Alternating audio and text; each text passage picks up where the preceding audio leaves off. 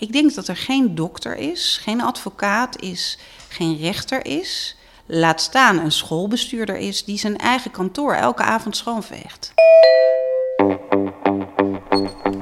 Hey, hallo Merel. Dag Moos, dag Marjolein, dag. Nou, super fijn dat je Zo er bent. uit school. Ja, Met het OV. met het OV. Nou ben ik daar wel liefhebber van, maar... eh Maar welkom bij ons. Dankjewel, dankjewel. Een boek in je hand. Ja, ik heb natuurlijk helemaal huiswerk gedaan, hè? In de trein gelezen. ja. Dat is belangrijk.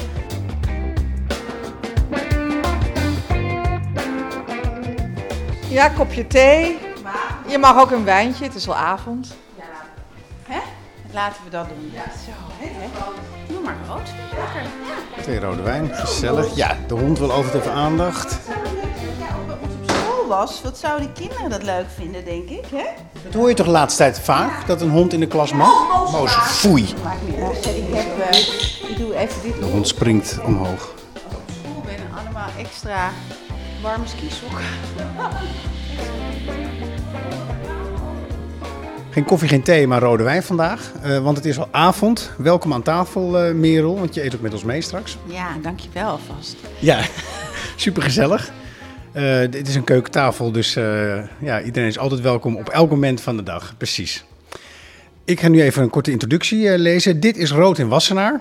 Een podcast naar aanleiding van het boek van Marjolein, Rood in Wassenaar. Marjolein is wethouder hier in Amsterdam en het is mijn vrouw. En daarom zit je in onze keuken. Merel van Vroonhoven, jij hebt ook een boek geschreven. Dat ligt trouwens tussen jullie in. De Stap heet dat. En dat gaat eigenlijk over jouw stap vanuit het bedrijfsleven het klaslokaal in. Overigens, Merel, ehm, we hadden eigenlijk Freek de Jonge nog hier voor jou gepland, maar die eh, moesten we afzeggen. Want ik had corona, eh, dus we zijn een week vertraagd voor de luisteraars, de vaste fans. Eh, dus Freek komt nog, maar nu is het dus Merel. Welkom en aan jou, Marjolein. Ja, Merel, ontzettend fijn dat je er bent. Eh, wij kennen elkaar, ik denk, anderhalf jaar zoiets. Toen jij eh, aanjager werd van eh, de Taskforce Lerarentekort. Toen hebben we elkaar, zo heet het toch? Ja, ja. Aanjager, Nee, de taskforce was het nog niet. Was er maar een taskforce. Nee, ja. Ja. Eh, toen hebben we elkaar ontmoet. Eh, en inmiddels hebben we ontzettend veel met elkaar gedeeld. Want jij hebt, net als ik, een boek geschreven, De Stap. Daar praat ik heel graag met je over. Want De Stap, dat is jouw stap van het bedrijfsleven als topvrouw bij de AFM. En daarvoor bij NS. ehm, naar het onderwijs. En daar heb je een prachtig boek over geschreven. Dus daar gaan we met elkaar over praten. En het, waar ik mee wil beginnen, want mijn boek heet Rood in Wassenaar, is dat jouw moment van, nou, hoe moet je dat zeggen? Dat, hè, je zag het licht. Epiphany. ja, je zag het licht. Dat was in Wassenaar. Ja, toevallig hè? Ja, Ja. vertel. Ja, dat was toen ik in december 2018 eh, in mijn eentje naar Wassenaar liep. Door de prachtige eh, duinen van Den Haag, oftewel Meijendal. Ik weet nooit of het nou bij Wassenaar hoort of bij Den Haag. Volgens mij hoort het bij ons allebei. Ehm, en toen... eh, dan loop je zeg maar naar Wassenaar en je eindigt bij de Wassenaarse Slag... of je gaat nog helemaal door naar Noordwijk. En dat was ook in de periode dat ik echt dacht van ja, ik heb nu al vrij lange tijd een eh, beeld dat ik na mijn eh, bestuurlijke carrière iets wil gaan doen wat dichter bij mensen is, wat meer op individueel niveau betekenisvol is. En, maar wat is dat? En dat vond ik heel erg moeilijk om daarachter te komen. En eh, toen op die druilerige decemberochtend ben ik dus gaan wandelen in de regen. En halverwege Den Haag. En ik denk eigenlijk al een beetje op eh, gemeente Wassenaar. Toen kreeg ik opeens zo'n wiki de Vicky moment van, eh, ik weet het, het lerarentekort waar jij je natuurlijk enorm hard voor maakt ook om dat op te lossen. Dat was toen ook heel veel nieuws. En toen dacht ik, het kan niet waar zijn dat eh, zoveel kinderen, en zeker de kinderen die dat misschien nog wat hards nodig hebben, worden getroffen door een gebrek aan goede leraren. Ik ben nu, nou toen was ik 50, ik ben nu, of bijna 50, nee net 50, ik ben nu 50, ik kan nog 20 jaar eh, mezelf bekwamen om een hele goede leraar te worden. En eh, dat is het, dat is wat ik ga doen.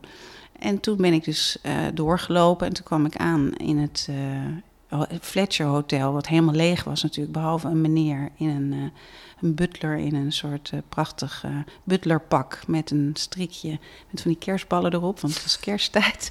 En toen ben ik daar bij de haard. een beetje het moment ja, van bezinning. Ja, ja, ben ik bij de haard gaan zitten, lekker kopje erwtensoep gaan eten. Toen ben ik dus, ik had wel, ik had mijn telefoon niet bij me, maar wel mijn iPad. En toen ben ik meteen gaan googlen.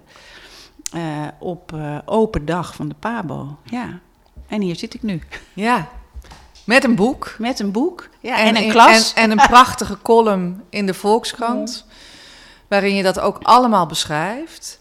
Want het is nogal een stap. Jij stond echt helemaal bovenaan de ladder uh, in het bedrijfsleven. Dat beschrijf je ook prachtig in je boek. Wat ik het mooie vind ook aan je boek is je bent heel openhartig. Mm. Ook je twijfel daarin. Ook af en toe, ja, kan ik dat wel? Uh, ook jouw, het vrouw zijn binnen dat bedrijfsleven. Dus je, je, en je enorme drive. Want dat heb ja. je zeker ook. Dus je hebt die hele ladder beklommen. En dan maak je een stap naar het onderwijs. Waarvan en begin je weer opnieuw. Nou, dat, maar ook, kijk, waarom is er nou zo'n lerarentekort? Omdat de waardering voor leraren vaak niet meer zo hoog is als het misschien vroeger was. Ja, ja. Ja dat is zo. En het, uh, ik merk het nu, hè, want ik heb nu uh, een eigen klas. In het speciaal, speciaal onderwijs, onderwijs dus op een school voor kinderen met, uh, met autisme.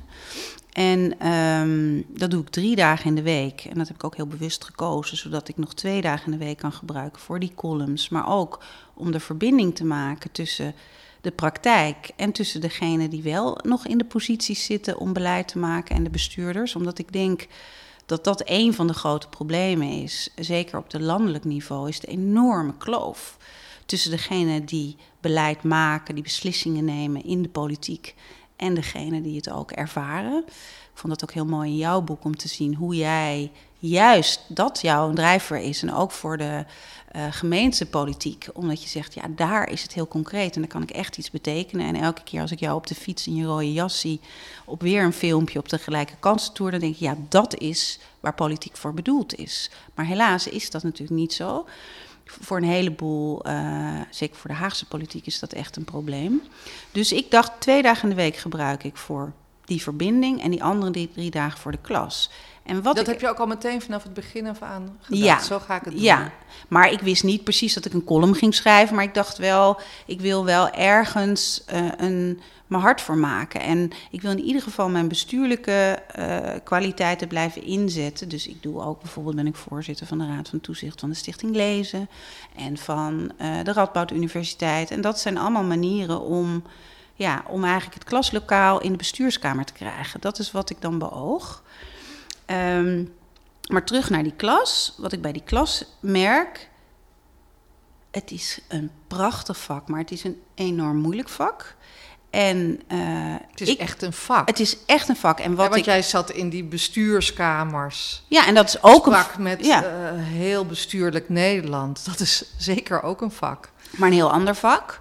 Maar je komt in dat klaslokaal.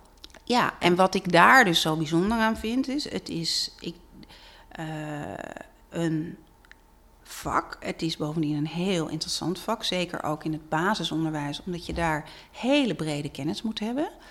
Um, en zeker ook als je in het speciaal onderwijs zit, maar misschien tegenwoordig eigenlijk ook gewoon in het reguliere onderwijs, omdat daar ook allemaal kinderen zitten die speciale onderwijsbehoeften het hebben. Passend onderwijs Precies. en de differentiatie daarvoor nodig is. Ja, dus en dan denk ik, hoe is het mogelijk dat je. Uh, ik denk dat er geen dokter is, geen advocaat is, geen rechter is. Laat staan een schoolbestuurder is die zijn eigen kantoor elke avond schoonveegt. En als ik dus daar sta met die bezem in het klaslokaal, dan denk ik, ik voel me helemaal niet te goed hoor om een lokaal te vegen. Maar waarom vinden we dat zo vanzelfsprekend? Waarom vinden we het vanzelfsprekend dat ik skisokken aandoe onder mijn broek, zodat ik het niet te koud heb in de klas? Omdat het er in meeste van de scholen natuurlijk toch ook heel veel achterstallig onderhoud is als het gaat om uh, het schoolgebouw. Waarom vinden wij het normaal dat uh, we zoveel onderwijstijd inroosteren. En daarnaast nog allerlei andere dingen op het onderwijs uh, leggen wat ze moeten doen. Van administratie tot en met het organiseren van allerlei evenementen. Terwijl eigenlijk de kern van het onderwijs is dat je heel goed lesgeeft. En dat je je lessen heel goed voorbereidt. Dat je bedenkt, oké, dit kind, daar moet ik toch net nog even iets anders voor doen. En we roepen heel makkelijk, ja, differentiëren. Maar hoe kan je differentiëren als je... Ik ga s ochtends om tien over zeven weg. Ik kom ongeveer om half zeven s'avonds thuis. Dan ga ik s'avonds ook nog dingen voorbereiden. Op zondag bereid ik dingen voor. Nou ben ik natuurlijk een beginner. Hè? Dus dat duurt het allemaal langer. Maar eerlijk is eerlijk, als ik collega's van mij spreek, is dat niet zo anders. En dus denk ik, we doen iets niet goed met dat onderwijs. ehm, wat zo echt een professie is, dat moet veel beter worden gewaardeerd. En mensen hebben geen idee. Nee, en dat is heel interessant dat jij dat zegt, want jij bent denk ik, nou ja, de enige in Nederland die de vergelijking kan maken tussen jouw vorige professie hè, tot aan eh, de bestuursvoorzitter van de AFM en nu gewoon zelf juf voor het klaslokaal en constateert daarmee eigenlijk dat jouw werkdruk niet lager is geworden, dat het belang van wat jij doet, wat jij doet dagelijks ongelooflijk belangrijk is en niet eh, minder belangrijk dan wat je hiervoor deed.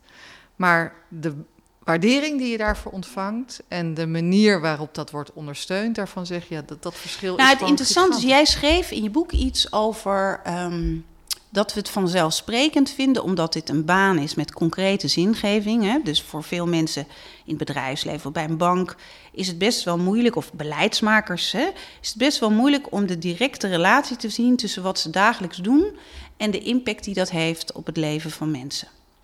Was bij de AFM eigenlijk ook. Hè. We hebben een enorme impact als AFM op miljoenen mensen als het gaat om het zorgen dat er geen rotproducten worden verkocht of giftige producten worden verkocht. Maar die mensen zitten op heel veel afstand. Dus het is heel abstract wat je doet. Terwijl in de klas is het heel concreet. Als ik zie het kwartje wat valt in de oog hè, bij een kind, omdat hij opeens een som begrijpt, of een meisje bij mij in de andere parallelklas die huilend op de gang zit met haar leerkracht, die zegt: ehm, Ik ben zo ongelukkig, want eh, ik heb autisme en iedereen is perfect en ik niet. En die je dan kan blij maken met eh, de uitleg eh, uit je eigen ervaring. Dat je zegt: Luister, jij bent ook perfect. Of eigenlijk is iedereen niet perfect en je hoeft dat ook niet te zijn. Maar dit komt goed, want eh, kijk eens wat je allemaal kan. En die dan helemaal gaat stralen. Dan denk ik, oké, dat is dus heel concreet. Maar dat legitimeert niet om dan te zeggen... jij hebt zoveel zingeving in je vak... dus hoeven we jou ook niet goed te betalen... en hoeven de condities niet goed te zijn. en dat is wat niet je huur of je hypotheek. Nee, en dat vond ik heel aansprekend opgeschreven in jouw boek. Dat ik dacht, dat is precies wat het is. Ehm, en ik denk dat leraren die, ehm, en dat merk ik zelf ook, voordat jij zegt, oké, weet je, zoek jij het lekker uit klas, zoek jij het lekker uit kinderen, ik doe nu de deur dicht en eh, ik denk nu aan mijzelf. Nou, dan moet je heel ver gaan. Dus het, punt is dat ehm Edith Hoge heeft dat ook al een keer gezegd. Die zegt, Hoogleraar en de voorzitter van de onderwijsraad. die zei tegen mij: hè, de, wat is nou het verschil in tussen bijvoorbeeld een professional in de advocatuur of een professional in het onderwijs? Eh, in de advocatuur zeggen mensen heel snel, of heel snel, zeggen veel sneller: Weet je, weg met je vieze praatjes als er allerlei bureaucratie komt. Dat ga ik gewoon niet doen. Terwijl leerkrachten zijn. ehm, Ja, die willen het goede die willen blijven alles doen. goede doen. Hè? En die zeggen ook, eh, ja, weet je, dan maak ik nog wel wat extra uren, want ik ga die kinderen niet de dupe laten zijn. En daar, ehm Benadelen ze daar zichzelf. benadelen ze zichzelf. Ja. Dan ga ik meteen een bekentenis eh, Ja. aan je doen. Een bekentenis die ik niet in mijn boek heb opgeschreven, die ik volgens mij ook nog nooit aan jou heb verteld. ja. Maar dan voor nu. Want eh, wij kenden elkaar nog niet. Nee. En ik zat aan die eh, hele grote landelijke tafel van Arie Slop. Want die Ja. had dat belegd, want we moesten het hebben over het lerarentekort. Er gebeurde eerlijk gezegd niet al te veel. En op een gegeven moment werd ik gebeld door de directeur-generaal van de OCW. En die zei, goh, we gaan een aanjager aanstellen. En we denken aan Merel van Vroonhoven. ja. En mijn eerste gedachte was, oh nee, hè? weer zo'n bobo die dan de overstap maakt. Hè? Hartstikke mooi, want de kranten stonden er bol van Ja. dat je die overstap ging maken naar het onderwijs. En dan gaat ze toch weer zo'n aanjagerpositie doen. Ik heb me daar zelf, dat zeg ik dan ook meteen eerlijk, schromelijk in vergist. Want binnen no time had ik in de gaten, er gaat nu echt iets gebeuren aan die landelijke tafel. Want jij kan juist heel erg goed die verbinding maken tussen nou, het onderwijsveld, wat je inmiddels heel erg goed kent, maar ook hoe je dat moet aanpakken. En je hebt dat ook gedaan. Je, bent, eh, je hebt een fantastisch rapport geschreven over wat er eigenlijk moet gebeuren.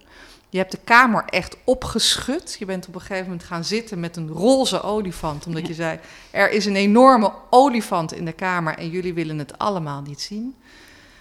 Nou, ik kan dat allemaal zelf gaan Ja. vertellen, maar het is veel interessanter als je Ja. zelf vertelt hoe je dat hebt ervaren. Nou ja, ik, wat ik heel bijzonder vond, Marjolein, is dat wij toch heel snel in elkaar echt zielsverwanten vonden. Hè? En eh, dat, ik zie ons daar nog zitten. Ik was toen, eh, dat was met eh, Sinterklaas. En toen liep ik stage in Laak. En Laak is in Den Haag de buurt met het hoogste lerarentekort. Ik geloof dat het inmiddels 22% is. En in Laak is het echt zo dat kinderen naar huis worden gestuurd... of de gymleraar staat voor de klas en geeft taalles. Terwijl het kinderen zijn armste gezinnen met de meeste taalachterstand en, en, en meest taalarme omgeving, maar niet noodzakelijkerwijs de minst slimste kinderen. Dus Zeker niet. Hè, Ze hebben eh, gewoon minder meegekregen van veel thuis. minder meegekregen van thuis. Dus die kinderen verdienen juist hele goede leraren. En ik weet nog dat ik 's ochtends vierde, vier- vierden wij Sinterklaas met surprises. En toen daarna eh, ging ik eh, als een speer naar die vergadering van die landelijke tafel waar je ook bij was. En toen had ik een foto meegenomen. Eh, daar begon ik mee, want ik had een soort tussenrapportage met die kinderen die dus in een kring zaten. Met die. En toen zei ik, het gaat dus over deze kinderen. En ik weet nog dat wij aan het eind van die vergadering, toen was iedereen alweer een beetje druk, zaten wij daar op dat hoekje van die tafel. En Zeker. toen zeiden we, het moet gewoon anders. Ja. En toen vertelde jij, ik wist natuurlijk ook hoe jij dat aan het doen was. En toen zei ik, ja, maar daar moet je mee doorgaan. Want dit is het. Je moet je er niet bij neerleggen. Nou, dat heb je ook absoluut niet gedaan. Maar het is natuurlijk bijna surrealistisch dat je ehm, van zo'n school komt. Even mijn gimpen nog vervangen, weet ik wel, door hakken. Dat doe ik nu ook niet meer. Maar toen dacht ik nog, nou, een beetje hè, zo bij het ministerie naar binnen. En dat, dat je denkt, deze mensen zitten vooral met elkaar in overleg. Want daarna was er weer een overleg. Want het was weer een een overleg. gigantische tafel. hè. We zaten tafel. daar denk ik met veertig mensen, Ja. met alle sectorraden, iedereen die ook maar enigszins vertegenwoordigd kon zijn. En Dus, Die was er. ja, en dan heb je een uur. Ja, En een uur betekent vooral een rondje, ja. waarbij iedereen wat zegt. En we, we- van tevoren weet je al wat iedereen gaat zeggen. En dan is het uur over. En wij zaten inderdaad aan dat hoekje van de tafel. Bij mij kwam de stoom uit mijn oren. Want Ja. ik zei, ja, dan ben ik weer in Den Haag. ja. En Merel, wanneer gaan we nou wat doen? We Ja. moeten beweging gaan Ja. maken. Nou ja, en dat hebben we denk ik wel gedaan. Het blijft natuurlijk lastig, moet ik eerlijk zeggen, dat je. eh, nou ja, dat we heel lang een demissionair kabinet hebben gehad. Ik ben ook niet echt heel erg gelukkig met het regeerakkoord, als ik eerlijk ben.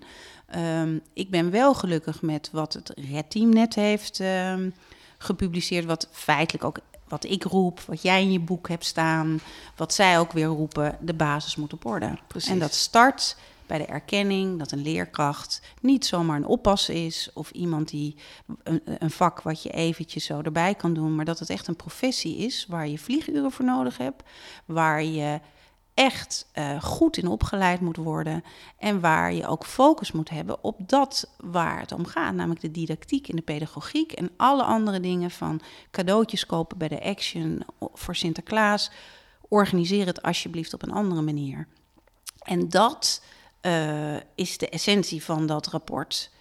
En ook van jouw boek, waarbij ik, of rapport, eh, essentie van dat redteam. Team eh. Wat ik daar mis, wat ik in jouw boek zie en wat ik zelf ook geroepen heb in, eh, in mijn rapport, maar ook in mijn boek, is er zit nog iets anders niet goed.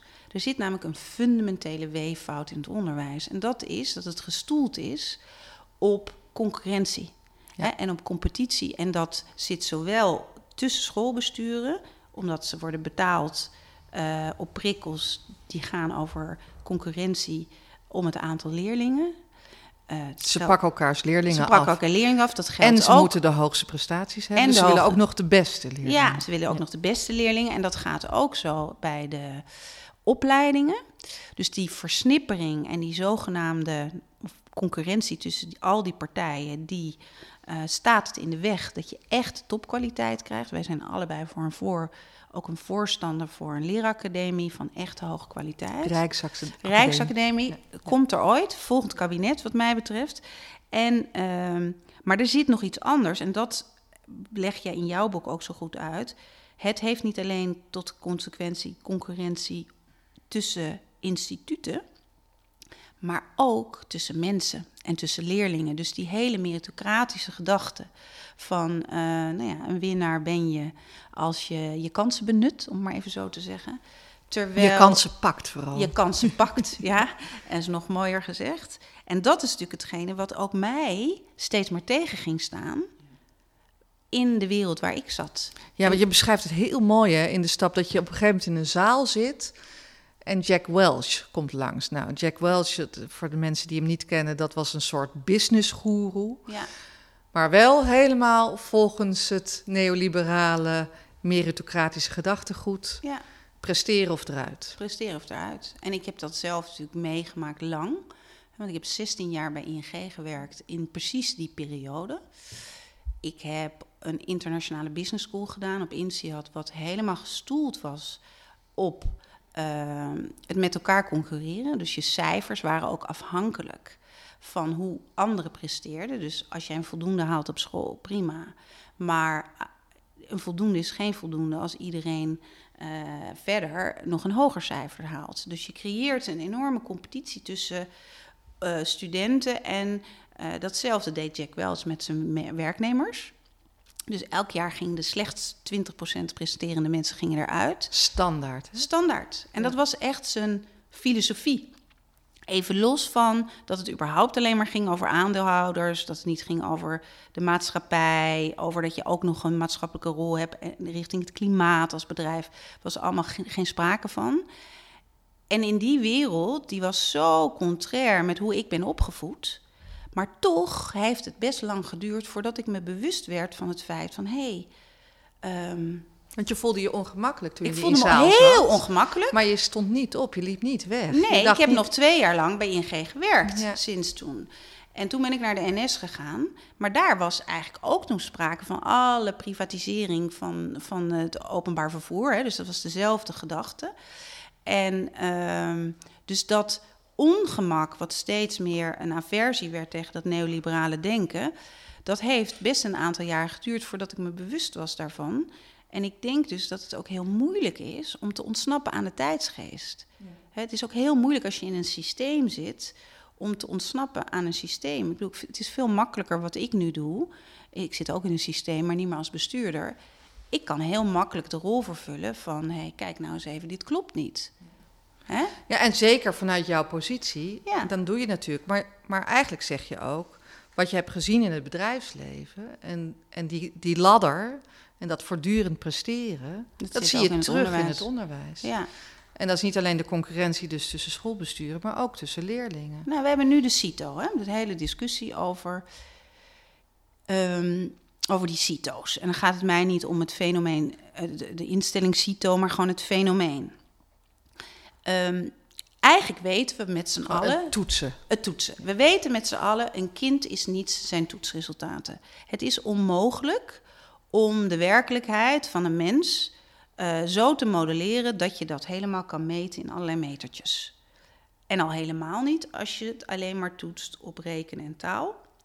Niet eens echt op leesvaardigheid, ook niet op kennis van andere wereldoriëntatievakken. En laat staan over wat jij ook schrijft, eh, eh, sport, kunst, al die dingen. Dus wat we doen is op Talent. een talent, op een heel smal criterium, wat bovendien ook nog een vak in zichzelf is, namelijk het kunnen lezen van de toetsvragen ehm, en die kunnen interpreteren op meer keuze, is, dat is een vaardigheid die maar ten dele, of misschien maar een heel klein deel, echt te maken heeft met de werkelijke vaardigheid, namelijk eh, het begrip, eh, van eh, taal, het taal kunnen gebruiken of het begrip van rekenen. En dat zie ik natuurlijk bij mij in de klas. Ik heb kinderen met autisme.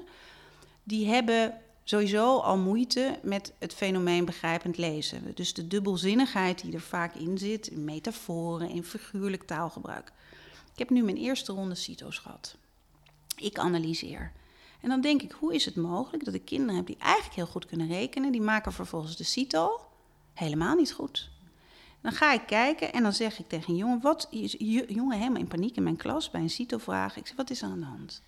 Ja, zei hij, hier is, dan is er een verhaaltjesom. Daar staat, vorig jaar heeft de krantenbezorger 250 kranten bezorgd. Uh, dit jaar zijn het er 175 meer. Hoeveel telt dit jaar? Waarop die jongen denkt, wanneer was vorig jaar? Was dat 2021? Of, of, want dit jaar is nog niet voorbij. Vervolgens gaat zijn hoofd denken, maar wat is telt? Telt, wat is telt? Wat heeft dit met tellen te maken? Dus die jongen loopt helemaal vast in de vraag, totdat ik tegen hem zeg, wat eigenlijk niet mag hè, bij een CITO. Je ziet hier 275, hoeveel meer heeft hij er dit jaar verkocht? Dat is dan 2022, dus ik maak het concreet. Oh, zegt hij, dat is een plussom. Maar als ik er niet bij was geweest, vragen, hoeveel is plus plus? Ja. En dat hele realistisch rekenen, wat goed bedoeld is, want in de winkel gaat er ook niet iemand zeggen: dit is de som. Maar je toetst dus niet zozeer of die goed kan rekenen, je toetst of die goed kan lezen. Laat dat nou juist voor mijn kinderen een enorm probleem zijn, zowel vanwege hun autisme, maar ook vanwege hun taalachterstand. En dus denk ik bij mezelf: hoe gaan we hiermee om? Intussen doen wij ook die toetsen. En dan denk ik: oké, ga ik ze nou aanleren hoe ze een CITO-toets goed moeten lezen? Want dat is wat Want dat bepaalt hun kansen. Of ga ik hun leren lezen en woord en, en leesbegrip en leesplezier geven? En daar kan je ook, dat moet je ook heel systematisch doen. En daar moet je ook methodisch doen en op didactisch verantwoorde manier. Maar dat is nog niet hetzelfde als dat ze die CITO-goed-toets maken. En, maar die CITO-toets bepaalt uiteindelijk wel op welk uitstroomprofiel ze komen, op welke. Dus dat vind ik zo'n worsteling. En alles zit erin vast. Je schreef dit weekend een prachtige column over het leesonderwijs. Uh, over hoe we ook in het leesonderwijs eigenlijk ons leesplezier volledig zijn verloren. Omdat kinderen alleen nog maar afgerekend worden op signaalwoorden, op snel lezen. En daarmee het hele je eindigde met een jongen die eigenlijk Pushkin wilde lezen. Ja, heeft hij ook gedaan. Prachtig, ja. Uh, de, de, dichter, de, de Russische dichter, maar toch heel slecht deed op begrijpend lezen. Wat jij de hele tijd aan het doen bent, en daar ben ik jou ook heel dankbaar voor, is ons een ontzettende spiegel aan het voorhouden. Dat hè, de manier waarop wij nu bezig zijn, eigenlijk heel veel talent wat er gewoon is, dat we dat onbenut laten. Is het nou ook niet zo, want jij hebt die stap gemaakt, die belangrijke stap, dat je daar dan af en toe hopeloos van wordt? Ja. Nee. Ik hoop natuurlijk nee, dat je het antwoord geeft van nee, er is niet, nog heel Er zijn wel eens mensen die vragen, moet je niet weer bestuurder worden? En dan zeg ik nee, want ik wil een hele goede leraar worden. En dat ben ik nog lang niet. Hè. Dus als ik hopeloos word, is het vooral omdat ik denk, verdorie, mijn les is niet goed genoeg geweest. Dus daar zit mijn frustratie vooral. Uh, als ik kinderen heb die ik gewoon glazig zie kijken en dat ik denk, ik heb jou niet geraakt. Ik heb jou het niet goed uitgelegd. Daar zit eigenlijk mijn grootste bron van frustratie. Maar goed, dat is het beginnersfrustratie, hoop ik dan maar. Waar uh, ik, ik word alleen maar activistisch eigenlijk. En waar mijn hoop zit, is dat en daarom ben ik zo blij dat jij zit waar je zit, is dat we een verbinding kunnen gaan maken tussen de mensen die wel op de posities zitten waar je een verschil kan maken. En, uh, en dat ik met mijn achtergrond die ik heb en mijn ervaring die ik heb, dat ik in ieder geval een steentje bij kan dragen in het maken van die verbinding tussen die werelden. En gelukkig zijn er ook. En jij maakt een verbinding vanuit de positie waar jij zit met het klaslokaal. En als we dat maar vaak genoeg doen, Sander Heijnen doet dat. Sa hè, uh, dat doet uh, Sander Schimmel ben ik hè, met zijn, met zijn programma. En uh, dus ik denk dat daar zit, als we maar genoeg mensen krijgen die zeggen, maar dit moet anders dan gaat er uiteindelijk wel iets veranderen. En er zijn ook gelukkig hele goede voorbeelden van hele goede scholen in jouw eigen stad. Ik ben heel dol op de Ellen Turing School. Net een excellente Eh, school geworden. Net een excellente school. Met Martin Bootsma, die precies weet hoe je Ja, leesonderwijs ja, moet dus geven. wat doe en ik? Eva Ik volg- Nijkens, ja. die precies weet hoe je een goede schoolleider moet Dus zijn. ik g- volg nu de cursus bij hun. Zij komen over eh, een maand bij mij op school om te vertellen. En zo denk ik, ja, dat gaat misschien langzaam. Eh, maar het moet niet alleen maar van boven naar beneden, maar juist ook vanuit de praktijk. En, eh, maar dan moeten ook systemisch dingen anderen. Want zolang wij eh, 365 of 64 routes hebben naar het leraarschap, is het gewoon dweilen met de kraan open. En zolang wij leraren niet genoeg ruimte en waardering geven Ja. om het vak wat zo prachtig is Ja, en zoveel waarde heeft in onze samenleving, toch niet genoeg waarderen, blijkbaar. ja. Ja, Nee, maar dat is, dat is het. En het is, het is echt een fantastisch vak. Dat we, ik vind het elke dag weer, als ik denk, ik kom nu net uit school. En dan denk ik, jemig, ehm, wat is het eigenlijk bijzonder dat dan kinderen, eh, een jongetje bij mij die niet praat, die opeens, eh, opeens toch eh, gaat vertellen over zijn honden, over opeens spellingsdingen gaat doen. Maar ook, nou ja, wat jij net aanhaalde, het Russische jongetje wat echt heel veel taalproblemen heeft. En die dan de volgende dag, nadat we het hebben besproken, met Pushkin komt. En een heel ontroerend, prachtig gedicht, waarvan je zou zeggen veel te moeilijk voor mijn kinderen, voordraagt. En wij analyseren het. Woord voor woord lezen we het klassikaal nog een keer met z'n allen. En dan zegt een ander jongetje, maar juf, het is toch gewoon dit gedicht. Dat het gaat over iemand die zijn liefje kwijt is, maar wel hoopt dat ze gelukkig wordt. prachtig. Volgens mij is er nog heel veel hoop en is het eigenlijk dat hoekje van de tafel waar wij toen Ja, in zaten. Zo is het. om beweging te maken met elkaar. En er zijn op dit moment gewoon ontzettend veel mensen op heel veel plekken die die beweging ook heel graag willen. En de verbinding die jij inderdaad benoemt, die er gewoon moet zijn tussen de praktijk en tussen de beleidsmakers. Ja, dat is eigenlijk waar je bij jou steeds weer terugvinden. Want ik ben je ontzettend dankbaar voor de stap die je hebt genomen. Maar vooral ook voor nou, de spiegel die jij eh, iedereen voorhoudt. Dus Merel, dank je wel. Dank voor dit geweldige gesprek. Nou, dank je voor de gelegenheid, Marjolein, en voor je boek. Ja. Dank je wel. Van het hoekje van de tafel van Slop tot aan de keukentafel hier bij ons thuis. Nou, liever hier hoor. Ja. hier worden de echte beslissingen genomen. Dat hebben we al in de gaten. Dit was Rood en Wassenaar. Leuk dat je hebt geluisterd. Ben je benieuwd naar het boek van Marjolein? Dat eh, ligt inmiddels in alle boekwinkels. Ook op de treinstations. Merel heeft het al gezien en, ge- en Ja, weggekaapt. je heeft het helemaal. En Elke leraar kan het mooi lezen in het half uurtje dat hun kinderen lezen. Ik heb dat ook gedaan. Wat Het is een heerlijk moment van de dag. Dikke tip. Kijk eens aan. Wij gaan ondertussen verder met deze podcast. Sander Heijnen werd al genoemd door jou. Sander Schimmelpenninck is al geweest. Ehm, dat is de volgende. Freek de Jonge schuift weer eentje op. Maakt niet uit, we komen er wel. Eh, en ondertussen hoop ik dat jullie eh, hiervan genieten en, eh, en weer blijven luisteren op de bekende podcast-app. Eh, Podcast-apps. Die ging niet lekker. Dankjewel. Jij bent Harmen van de Veen. Ik ben Marjolein Mormon. Tot horens. Superleuk. Ik heb ze allemaal geluisterd hoor. Ja? Ja? Superleuk. Ja, echt waar. Ik vond het zo'n leuk idee hoor. Echt Dit is heel ook echt, was echt mooi gesprek. Ja? Ben je tevreden? Nou, ik vond het zo gezellig. En ik, ik weet